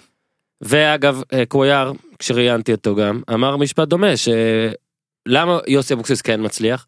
כי יוסי אבוקסיס אומר לך מה לעשות, מסביר לך למה אתה צריך לעשות את זה, מסביר באופן רגוע מה אתה צריך לעשות לרוב, אני בטוח שגם הוא משתגע לפעמים. וקוויאר אמר שהרבה מאמנים אחרים פשוט צורכים עליך ברגע שאתה עושה טעות ולא מאמרים, והוא נתן הגבלה, אגב, כי כולכם אוהבים לתת הגבלות עליי, לכמו שאם אתה נותן, אם אתה שולח טור למערכת ורק צורחים עליך על הטור הזה, אז הטור הבא אתה כותב אותו פחות טוב, אבל אם אתה כותב טור שהוא נגיד פחות טוב, ואז מסבירים לך מה אתה צריך לעשות כדי שהוא יותר טור, טור יותר טוב, זה כבר עורך טוב, בוס טוב, וזה מה שיוסי אבוקסיס עושה. נכון, כי הכי קל זה לבוא ולהגיד לבן אדם כמה הוא חרא במקצוע שלו. שים את עצמך רגע בנעליים של שחקן כדורגל, באמת. זה... אנשים לא מבינים איזה מעמסה פסיכולוגית זאת להיות שחקן כדורגל. כמה אנשים אתה מכיר שעובדים במקצוע, שכל שבוע אומרים להם כמה הם טובים או כמה הם חרא. כן, וכולם יודעים. וכולם יודעים. עכשיו תחשוב שאני בא, שאתה קם בבוקר, כתבת טור לא טוב, מהמם. ולא רק שאתה אתה- אתה נכנס פה למשרד, לא. לא, ולא רק שאתה נכנס פה למשרד, ובא הבוס שלך אומר לך, תשמע אורן, חרא של טור, אתה נכון. חרא של כתב, נכון. אז גם כל שאר העיתונים בארץ מפרסמים טור של 100, של 100 מילים, כמה אורן כתב חרא וכמה כן. הטורים שלו פח. מהמם. בוא תכתוב טור אחי, בהצלחה. כן. עכשיו, זה ממשיך שבוע אחרי שבוע, ובמקום... למה צ'יקו מצליח במכבי? צ'יקו, להזכירך, בחודשיים הראשונים פה, שחטו אותו! על מה? הבן אדם לא עשה pre-season כי הוא הגיע פצוע, הגיע מאוחר, על מה אתה שוחט אותו? אני דווקא אהבתי אותה. ס- fair enough. זה ההבדל. כי אתה אומר, אוקיי, אז אני רואה, אני רואה שהוא לא בכושר, אני רואה שהוא לא חד עדיין, אבל את הפעולה שתיים שהוא צריך לעשות במשחק והוא עושה חד, הוא עושה. צ'יקו יש לך קשר או לא. שכלום? לא. לא חשבתי אולי מיני קשר. לא, לא, לא. אגב רק לפני שאני אשכח כן אתה דיברת על זרים שאתה לא רוצה לפעמים להביא לפה ועל תפוקה תסתכל איזה מדהים זה שא' מלך השערים הוא בשנים האחרונות תקט איתו לרוב ישראלי נכון. שזה גם סימן רע. סימן רע כי נכון. כאילו אם כי באים לפה חלוצים זרים. עכשיו נכון. תסתכל את מלך השערים עכשיו. צ'יבוטה לא זר כאילו גם לא זר וגם הרבה שנים. הוא- הוא- הוא לא הוא אבל בדיוק הדוגמה לשחקן אפריקאי צעיר שאתה מביא לפה. אני מבין אבל אלירן עטר ירדן שועה לוסיו שכבר היה פה יצא והכל בן סער עווד עומר אצילי בת שיראי אוקיי כדי להגיע לבת שיראי שים לב כמה שמות עברתי ובת שיראי שאנחנו מתלהבים ממנו בצורה היסטרית והוא באמת אחלה. עם fucking שבעה גולים ואנחנו במחזור 23 היום המשחק אה, הוא לא שיחק את השני ראשונים זה נגיד שיחק 18 19 משחקים. עכשיו זה הזוי כי אני משער שאם אני עכשיו אפתח כל מיני ליגות שאתה כן תגיד לי לפתוח ונסתכל על הטופ 20 של הכובשים רובם יהיו חלוצים חלוצי רכש או הרבה אוקיי הרבה יהיו שם כמה וכמה נכון. לא היו עשרה מקומיים או אתה מבין או, או לפחות לוסיו שהיה הלך וכאילו הביאו אותו רק כי מכירים אותו. אמורות להיות יותר פגיעות ב... מביאים אותו עכשיו והוא טוב. אבל אתה בדיוק נגעת בנקודה, אתה לוקח את העמדה על המגרש, שהכי צריכה מישהו שיבוא ויגיד לה, אח שלי, הכל טוב. הכל טוב. קח עשרה. משחקים, לא משנה מה יקרה. תירגע, כן. הכל בסדר, תירגע. זה ברדה, זה דראפיץ'. עכשיו אני אומר לך שצ'יקו, אם הוא משחק בכל מועדון בארץ שלא קוראים לו מכבי תל אביב, נכשל. בינואר הוא לא פה.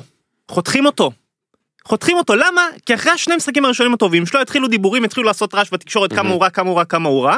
יבואו כל החברי הנהלה יגידו לו, תשמע, אתה רעת פה, אתה שם, ויגידו לסוכן, תחפש קבוצה. מסכים. כולם ייכנסו לפאניקה, ובינואר הוא לא פה. אני- ומכבי תל אביב מכילים את הדבר הזה. אני בכלל חושב שאם זר, שאם זר הוא לא קטסטרופה מטורפת וגם לפעמים הוא כאלה צריך לא לשפוט אותו לפני שנה לא חצי שנה שנה לפחות לתת לו בינואר שאחרי תגיד אם נכשלת או לא. עכשיו זה לא מחלה שהיא היא, היא שמורה רק לישראל, שלא ברור, תבין. ברור, ברור, אבל ברור. היא כן שמורה לכל הליגות כמו ישראל, לכל כן. הליגות הקפריזיות.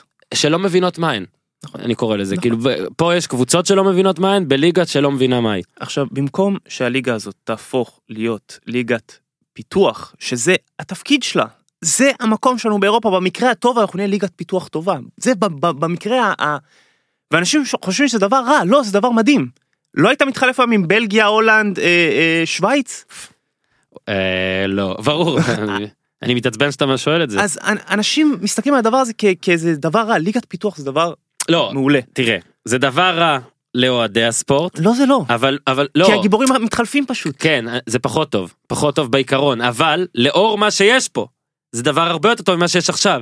כי אני שוב אומר העונה כל הזמן כולם אומרים הליגה חלשה הליגה חלשה? הלו זה הליגה שתמיד קורית. פשוט באר שבע לקחה שחקנים מקו הקבוצות היא נחלשה משמעותית אין מאבק אליפות וכתוצאה מזה הליגה חלשה. עדיין הפועל חיפה אפשר להגיד שהיא עושה עונה סבירה בני יהודה בטח נתניה בטח אלה אותן שלוש היו שנה שעברה. מה מפריע לנו? שבאר שבע וביתר קצת פחות מאיפה שהם היו. העובדה שמה שמפריע לנו לדעתי זה שיש שילוב נוראי שגם מאבק האליפות גמור וגם אין יותר מדי כדורגל לראות ושוב אני לא רוצה כדורגל איכותי אני רק רוצה כדורגל כי אני מסוגל ללכת לשכונה עכשיו ולראות משחק בין אה, חמישה חמש על חמש שיש עשרה שחקנים שהם חובבנים אבל יהיה איזה ארבע שלוש ויעניין אותי. פה השילוב הוא גם הכל גמור ועדיין הכל פחדני ו, ואגב שוב זה הכל מת, מת, מתחבר להכל. הכל מתחבר להכל. כי אני מניח שאם עכשיו כמו שאתה רואה גם בהולנד אגב אפריקאים אולי מאפריקה אחרת קצת אבל תראה איך נותנים לכולם לשחק מגיל צעיר ואתה רואה מה הם עושים. אתה רואה איך כל משחק שהוא מטורף גם אם הוא לא באיכות גבוהה אתה מסוגל לראות 4-2 הצופים נהנים בטלוויזיה נהנים לשדר את זה מדברים על גולים מדברים על הכל. אגב הנה עוד שחקן שלך תראה איך אני עושה את הקישור. אה, יוג'ין יוג'ין אנסה אנסה. אנסה. שפתאום על שבועיים גילינו שוואי הוא יודע הוא יודע לדרבל הוא יודע לכבוש ויש סיכוי אגב אני, הנה, אני אומר את זה לא אתה. אם הוא לא ברעננה יכול להיות שרואים אותו יותר או פחות אני כבר לא יודע אבל אה, שכאילו רואים יותר רגעים גדולים שלו אבל רעננה זה קבוצה שכבשה 17 גולים שזה הכי מעט. אז מתוך זה השל- שלושה שערים שלושה. שלושה שערים זה, זה כמו איזה עשרה במקום אחר. אבל זה בדיוק הנקודה שלי שיש פה בעיה של אה, טאלנט. אה, של, של זיהוי טאלנטים כן. זאת הבעיה הרי יוג'ין שנה וחצי מסתובב בית"ר תל אביב סבבה שנה וחצי בליגה הלאומית עלי מוחמד כמה היה שם? עכשיו אני אומר לך שאני אישית איך ישבתי למועדונים על הצוואר על הדבר הזה. על יוג'ין אני יושב להם על הצוואר כבר- ולמה הם אומרים לא מה הנימוק? הם קשה להם קשה להם לראות שחקן בליגה לאומית ולהגיד "Hmm, מספיק טוב לא מספיק טוב כן כאילו הם בטח אומרים וואלה אם, מיש, אם הוא היה כזה טוב אז מישהו שיותר חכם ממני היה לוקח אותו אבל זאת הבעיה כולכם דיבר- עכשיו מה קרה פחות חכמים עכשיו, מה קרה? אני עדין. מה קרה הם שיחקו משחק גביע נגד הפועל באר שבע. ויוג'ין שיחק 40 דקות במשחק הזה 40 דקות אני חושב דקה 70 משהו כזה הייתה הערכה. 50 דקות. והוא הרג את באר שבע. הרג אותם פעמיים אז הוא הרג אותם. הרג אותם במשחק גביע הזה באמת אתה יודע נס ש- כן. ש- שבאר שבע עלו שם. רבע שעה אני לא מגזים איתך רבע שעה יוג'ין על המגרש. ואני כבר מקבל שני שיחות טלפון מ- משני מועדונים בוא נסגור. מדהים. זאת אומרת שנה וחצי אני איזה עצוב זה. יושב להם על הווריד על הדבר הזה רבע שעה טובה נגד באר שבע וזה כל מה שצריך. מדהים. כי הם לא מסוגלים לעשות את ההקבל ואת ההקשר של אוקיי משחק בליגה לאומית אבל בוא ננתק רגע את הליגה הלאומית הצידה בוא בוא נסתכל על השחקן בוא בוא נבין מה המאפיינים של השחקן מה האיכות שלו ומזה נצא. אינטנסיביות זה משהו שהוא לא מוערך מספיק בישראל. אני חושב ששחקן שהוא לא שלי בסדר כי זה שלא יגידו שאני משוחד שחקן שהוא לא שלי. טי בריבו. מכבי פתח תקווה. הוא יופי של שחקן מהמם. אבל כשאתה מסתכל עליו, אין איזה משהו יוצא דופן שתופס את העין שלך. אתה יודע מה הוא כן עושה? הוא קוטש בלמים. קוטש אותם, 90 דקות, הוא רץ, הוא מציק, הוא קוטש קדימה אחורה, קדימה אחורה, לוחץ, ואז פעם אחת, הכדור נופל לו לרגל, הוא שם גול. בדיוק כמו יוג'ין. אתה מסתכל על הגולים שיוג'ין נתן, שניים מתוכם הם כאילו גול קל. אבל הם גול קל כי במשך 90 דקות הוא קוטש את הבלם, עכשיו פעם אחת הבלם כבר אין לו את הכוח לעשות את הספרינט הזה עם יוג'ין, ואז יוג'ין עושה את הספרינט, הוא לבד. כן. טי בריבו אגב גם אלף דקות. שישה גולים. למזלו, שזה אני אף פעם לא אוהב להגיד מזל לשחקנים שנפצעים, אבל למזלו, חביבו גמר את העונה. כן. או ש... אלוהים יודע אם הוא בכלל משחק, אם הוא משחק. וזה במועדון שכן אה, בדיוק. גם אה, יודע לגלות בוא נגיד בדיוק. או משקיע בנוער. בדיוק. עכשיו, יש פה בעיה מאוד מאוד מאוד קשה של זיהוי טאלנטים. אני מאוד מקווה שזה ישתנה עכשיו, כי באמת מתחילים מועדונים, מתחילים להשיג קצת סקאוטים, אתה, אתה מתחיל להרגיש טיפה שינוי. כן. כמו שאמרתי על פודקאסטים ופייסבוק הכל כן. מגיע לפה כן. בשמונה עד אה, 12 שנה איחור. אז אתה, אתה כן מתחיל להרגיש קצת שינוי, אה, אבל זה עדיין שוק שהוא, אמרתי לך, שאני, שאני מסתכל עליו בתור, בתור הסוכנות שלנו, הוא מוגבל. מהמם. תן לשים פה את הטאלנט הכי גדול בעולם, אתה, אתה טיפה מסתכן. שים אותו בשוויץ, בלגיה, אתה יודע מה אתה מקבל. אתה יודע שגם השנה הראשונה תהיה לא כל כך טובה, אני פשוט חושב שזה לא כדורגל פה. שכאילו הרבה מאמנים פה לא משחקים כדורגל ואתה מוכר שחקני כדורגל לליגה שהיא לא כדורגל זה בעיה. בדיוק. זה בעיה. בדיוק. אתה נתת דוגמה להעביר אותי או למקומות פתח תקווה או לבליצ'ר ריפורט הייתי צריך דוגמה להעביר אותי להיות חייט או סנדלר כי זה נכון. כמעט אותו דבר. נכון. אתה נכון. מבין? ו- ו- וזה מה שאני מצ- אני מצפה שהדור החדש הזה של המאמנים שבסוף כן יתברר כי בסוף כשבעלים גם מקשיבים לסוכנים צעירים ולאנשים צעירים וקוראים טקסטים של אה, עיתונאים צעירים ומביאים סקאוטים צעירים בסופו של דבר הם גם יביאו את המאמנים הצעירים נכון. והמאמנים הצעירים יהיו יותר פתוחים לזה ומתישהו ישראל תיפתח. עכשיו אני אגיד לך מה מרגיז אותי. בסדר שאנחנו אנחנו שוב- חוזרים לסיפור אפריקה. מועדונים ישראל מביאים פה שחקנים אפריקאים צעירים למבחנים, אוקיי? ואז מה השחקן הזה יודע לעשות? מה הוא עושה כל החיים שלו? עושה כדורגל, זה מה שהוא עשה, נכון. מהמם. לא עבד על טקטיקה כן. ולא עבד על... כן. עושה כדורגל. מביאים אותם. ובמקום במשך עשרה ימים שבועיים שהם פה לעשות שלושה ארבעה חמישה משחקי אימון בשבילם בשביל לראות איך הם משתפרים משחק אחרי משחק מתרגלים לקצב. נותנים להם לעשות אה, ארבע על שתיים באימון. כי כולם אותו דבר. עכשיו נותנים לעשות שתיים על ארבע באימון אתה יודע החימום הזה חמש על שתיים ארבע על שתיים ווטאבר. ואז שופטים אותם בכלים שאתה שופט שחקן ישראלי עכשיו שחקן ישראלי עושה את זה מגיל שמונה הוא עושה את זה. באימונים את החמש על שתיים הזה. המיומנות שלו היא מטורפת הוא עשה את זה אלפי שעות בחיים שלו כן. רק את התרגיל הזה. כן. האפריקאי מגיע הוא, הוא, הוא לא הוא, אתה יודע הוא לא בקצב לא הוא לא נותנים בכיוון. פה מס התאקלמות גם. בדיוק הוא לא בקצב הוא לא בכיוון הוא לא מכיר פעם ראשונה שהוא נתקל בתרגיל הזה בחיים שלו. אז הוא נראה איטי הוא נראה כבד הוא נראה לא מחובר הוא נראה. לא תן לו לשחק כדורגל. תעשה ארבעה חמישה משחקי אימון במהלך השבועיים האלה תראה איך הוא נראה על מגרש גדול תראה שהוא משת... משתפר משחק אחרי משחק אחרי משחק אחרי משחק. הוא מתרגל לקצב. אפריקאים יש להם קפיצות יש להם את הקפיצה של אחרי חצי שנה פה ויש להם את הקפיצה של אחרי שנה פה. והקפיצה ה- ה- בוא נגיד אחרי שבועיים שלושה זה נפתח להם פתאום כי הם טיפה מתחילים להרגיש קצת יותר בטוחים Mhm. טיפה מתחילים לתרגל לקצב ואז אחרי חצי שנה קפיצה גדולה ואחרי שנה. זה שחקן אחר. והבעיה היא שמועדונים שמ- כש- שמביאים את השחקנים האלה הם צריכים להבין שלא הבאת עכשיו את הזר הכי טוב בעולם כרגע הבאת פרוספקט נכון? אבל אתה צריך לעבוד איתו. ויש פה המון מאמנים שוב אני חוזר לזה שהם לא יודעים לעבוד עם שחקנים לפעמים הם יודעים לנהל קבוצה הם יודעים להעמיד קבוצה לוחמת על המגרש וכל הדברים שגורמים לי להקיא כשאני אומר את זה. אבל הלו יש פה גם אינדיבידואלים כל אחד דורש יחס אחר ודבר אחר ואם אתה תהיה איתו טוב גם מקצועית וגם מנטלית אתה תוכל לקבל ממנו משהו. לצערי לצערי זה לא הולך ככה גם כי לדעתי אמרתי לך חצי מאמנים לא יודעים ואלה שיודעים מפחדים על העבודה שלהם אז צריכים לעשות משהו זריז ועכשיו ולא לטעות ויפטרו אותי. אז אין לו זמן עכשיו להסביר ליוג'ין או לליאונרד מה לעשות אין לו זמן לזה. אני לא מוכן לקבל את זה. נכון כי, בדיעבד הם מפסידים פעמיים הם גם בדיוק. מפוטרים בסוף בדיוק. וגם השחקן לא בדיוק. איתו כלום. עכשיו מעבר לזה. עלי קמרה שנה שעברה היה הבלם הכי טוב בליגה אחי הכי טוב בליגה אז אז שילמו עליו אני אני לא אשכח ש- שאני לא זוכר אם זה היה קורצקי עדיין אני חושב שזה היה קורצקי באחד המשחקים הראשונים שלו עלי קמרה מסר פס 50 מטר אחורה חטפו גול על ה- על ה- על האינטרספשן שם. והוא עלה ואמר אוקיי אז הוא טועה. אבל כל מה שהוא נותן לי בשאר הזמן הוא כל כך טוב שאני אספוג את הטעות הזו מהמם. פעם במשחק אני אספוג אותה עליי. מהמם. מה שונה? הוא רק מונע, מה שונה? ברגע שיש איכות אתה חייב למקסם אותה עכשיו אתה יודע אנחנו מסתכלים שוב על שוק העברות ישראל לא מבינה איפה רוצה להיות. יש הרבה דרכים להביא לפה שחקנים טובים אוקיי אבל ישראל נופלת בכולם א' היא לא עושה scouting בשווקים הנכונים ב' לא נעים להגיד היא משלמת חרא של עמלות אוקיי. עכשיו, כשאני הולך, מחר בבוקר, לבעלים של הסוכנות שלי, והוא על כל ילד אפריקאי בן 18 שהוא באמת top talent, ולוקח אותו לאנדרלכט, מקבל הרבה מאוד כסף בחתימה, ועוד הרבה מאוד כסף בשילוב בקבוצה הבוגרת. פה באים, מביאים לו סכום מצחיק, ואומר, אוהד, אתה יודע, זה עבודה שלי. מהמם. כאילו, למה שאני אביא שחקן ישראל בשביל עשירית ממה שאני מקבל במקום אחר, שאחר כך גם שהוא נמכר, הוא נמכר בעשירית ממה שהוא נמכר במקום כן. אחר. מה- פלוס מה- יש יותר סיכוי שהוא ייכשל. בדיוק, מה הרציונל של להביא לפה כן. שחקנים? אז במקום או להיות גן עדן לסוכנים סטייל אה, צ'סקה סופיה שעושה יופי של עבודה ב- ב- בשוק ההעברות, לא כי יש לה הרבה כסף, אלא כי היא אומרת, היא באה לסוכנים, אומרת, תביאו לנו את השחקנים הטובים, תשלם לכם כראוי. מהמם. ואז הרבה סוכנים אוהבים לשנה לשם את השחקנים שלהם.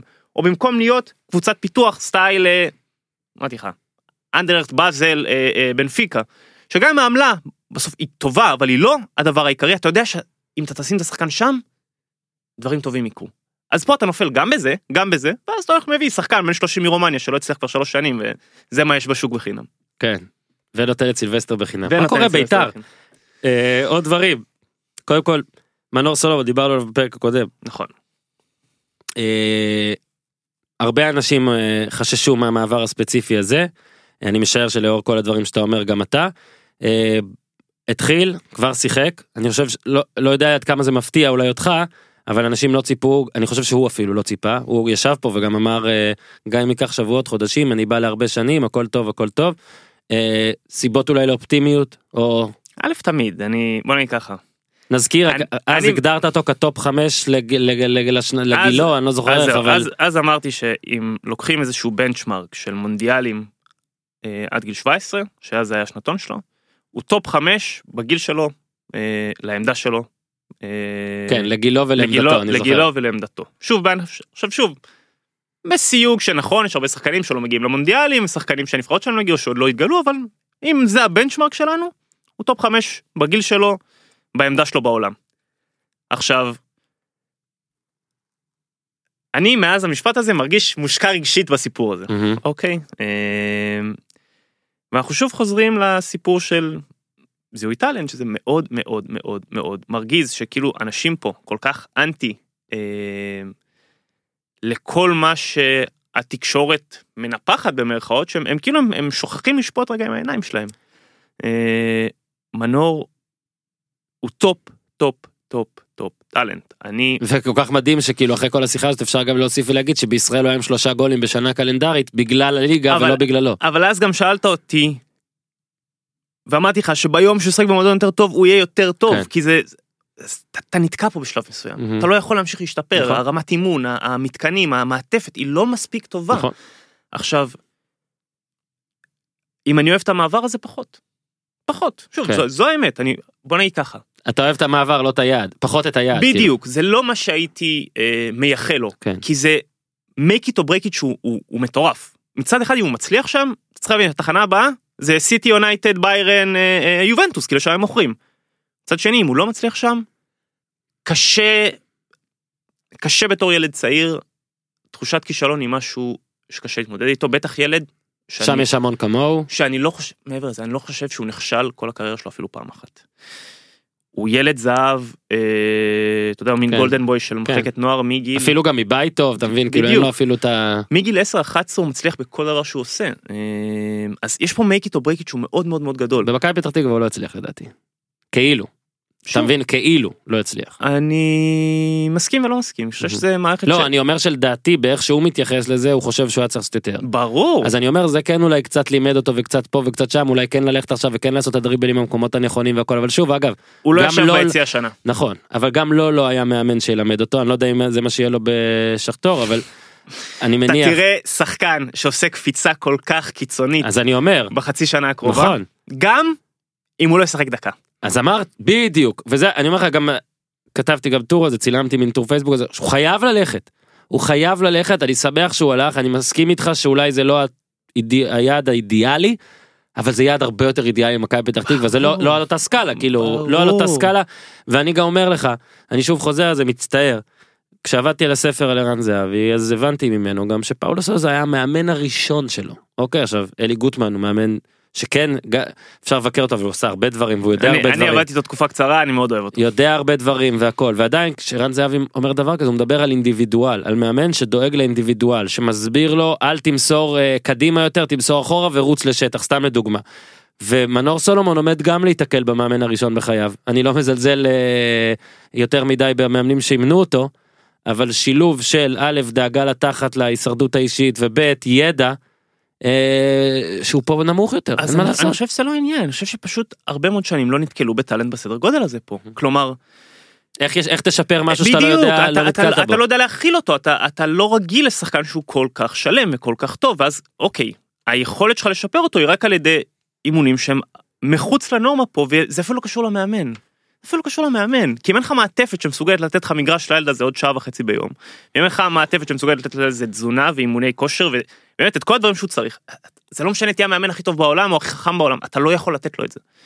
אה, עכשיו, אמרתי לך, מנור, מבחינתי, רגשית אני מאוד מאוד קשור לסיפור הזה, כי אני מאוד שמח שאחרי, ובוא נגיד מהראיון הקודם שלנו, אכלתי כל כך הרבה חרא על המשפט הזה, מהמם. ואני כל כך שמח שבא מועדון כמו שחטאר שאפשר להגיד עליו הרבה דברים. scouting הוא יודע לעשות. כן.